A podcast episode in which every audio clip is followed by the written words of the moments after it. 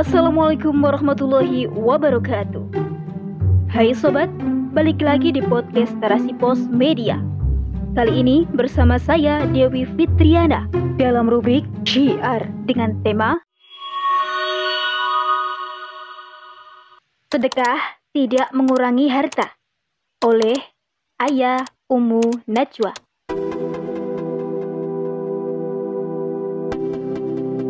Dalam Islam, menyedekahkan sebagian dari harta yang kita miliki adalah termasuk ibadah yang agung.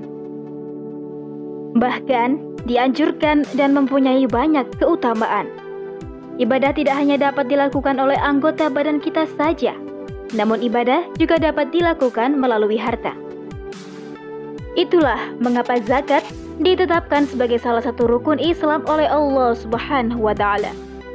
Zakat merupakan penyerahan sebagian harta yang kita miliki untuk dibagikan kepada fakir miskin, baik mereka yang meminta-minta maupun kepada mereka yang menahan diri dari hal itu.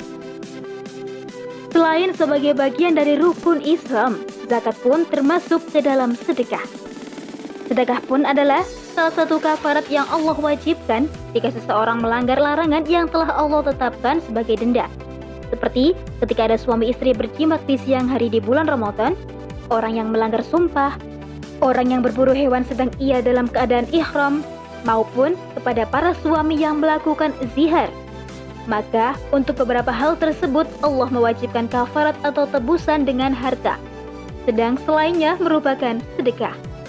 Dan sedekah merupakan kesunahan bahkan dikatakan ibadah sunnah yang paling agung.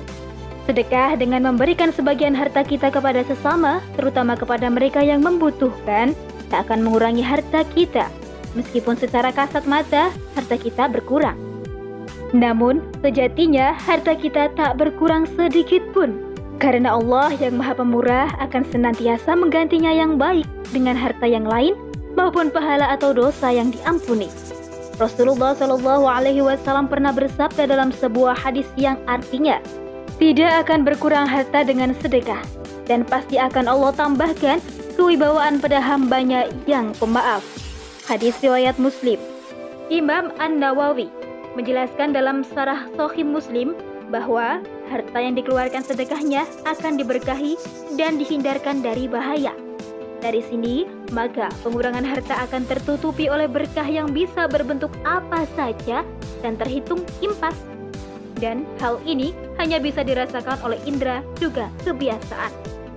Sedang apabila harta tersebut berkurang secara zatnya, maka hal tersebut tertutupi pahala dengan yang diperoleh. Namun, bagaimana dikatakan impas jika pahala ini bahkan dilipat gandakan dengan bilangan yang berlipat-lipat?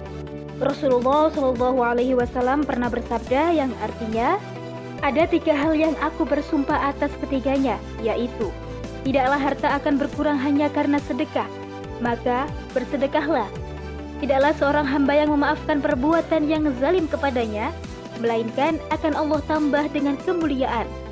Dan tidaklah seorang yang membuka peluang atas dirinya untuk meminta-minta kepada manusia, melainkan Allah akan bukakan baginya pintu menuju kefakiran.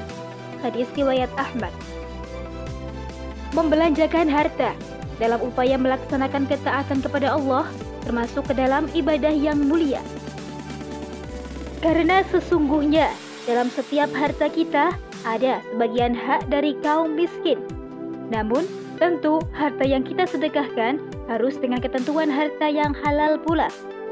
Seorang muslim hendaknya dengan ringan menginfakkan dan tidak menahannya, serta hendaklah tidak meremehkan keutamaan sedekah. Sebab telah Allah akan menyelamatkan seorang dari api neraka hanya karena ia pernah bersedekah dengan separuh buah kurma. Masya Allah. Nabi Shallallahu Alaihi Wasallam bersabda, jagalah diri kalian dari api neraka, walaupun hanya dengan sedekah setengah biji kurma. Barang siapa yang tak menemuinya, maka ucapkanlah perkataan yang baik. Hadis riwayat Bukhari dan Muslim. Sedekah merupakan bukti keimanan seseorang. Bukti kita mengimani adanya hari pembalasan, bahwa kelak di hari penghisapan kita akan memperoleh balasan pahala dari Allah Subhanahu wa taala Walaupun seakan-akan di dunia kita tidak mendapatkan balasan apa-apa dari sedekah kita.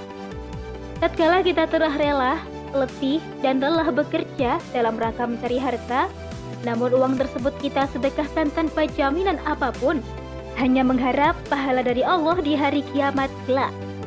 Sholat adalah cahaya, sedekah adalah bukti, sabar itu sinar panas. Sedang Al-Quran dapat menjadi pembelamu ataupun sebaliknya menjadi penuntutmu. Hadis riwayat Muslim. Dijelaskan oleh Imam An-Nawawi rahimahullah bahwa mengapa dinamakan sedekah karena sebab kesatuan akar kata dari kata asidku, huruf sod, dal, dan qaf yang berarti jujur. Sehingga sedekah merupakan bukti kejujuran iman seseorang. Beliau rahimahullah mengatakan, sedekah merupakan dalil atas kebenaran keimanan seseorang. Itulah sebabnya mengapa dinamakan sedekah, karena menunjukkan jujurnya keimanan seseorang dan bukti kuatnya keyakinan. Sarah Muslim nomor 86 Pahala sedekah begitu besarnya. Namun hanya sedekah yang dilakukan dengan memurnikan niat hanya karena Allah serta dengan harta yang halal yang pasti akan membuahkan pahala serta kebaikan yang banyak. Begitu banyak jenis sedekah yang bisa dilakukan. Termasuk di antaranya adalah memenuhi kebutuhannya sendiri atau seorang suami yang mencari nafkah untuk keluarganya. Dengan sedekah, kita melatih diri kita untuk tidak terlalu menaut hati terhadap dunia Ketika hati dikuasai kecintaan terhadap dunia, maka akan timbul sifat pikir, pelit, dan lain sebagainya. Yang menjadikannya manusia rakus dengan terus menahan harta untuk dirinya sendiri. Padahal seharusnya ia sadar bahwa harta dan apa pun yang kita punya di dunia ini hakikatnya adalah titipan Allah yang kelak akan ia tinggalkan dan pasti ia akan dimintai pertanggungjawaban. Sebagai orang yang beriman, Seharusnya kita menyadari bahwa harta yang dengan susah payah kita kumpulkan tak akan dibawa mati. Semuanya akan kita tinggalkan. Bagaimana sabda Rasulullah Shallallahu Alaihi Wasallam bahwa hanya tiga amalan yang akan kita nikmati pahalanya sampai akhirat. Jika anak Adam meninggal dunia, maka terputuslah semua amalannya, kecuali tiga perkara. Ia adalah sedekah jariah, ilmu yang bermanfaat, serta anak yang soleh yang selalu mendoakannya. Hadis riwayat Muslim nomor 1631. Menginfakkan harta di jalan Allah pun juga harus dengan harta yang baik pula, yang halal baik zatnya maupun jalan mencarinya. Karena sesungguhnya Allah Maha Baik tidak akan menerima sesuatu kecuali yang baik. Tentu, tak akan diterima sedekah dengan harta yang haram dari kerja yang haram dan penghasilan yang kotor.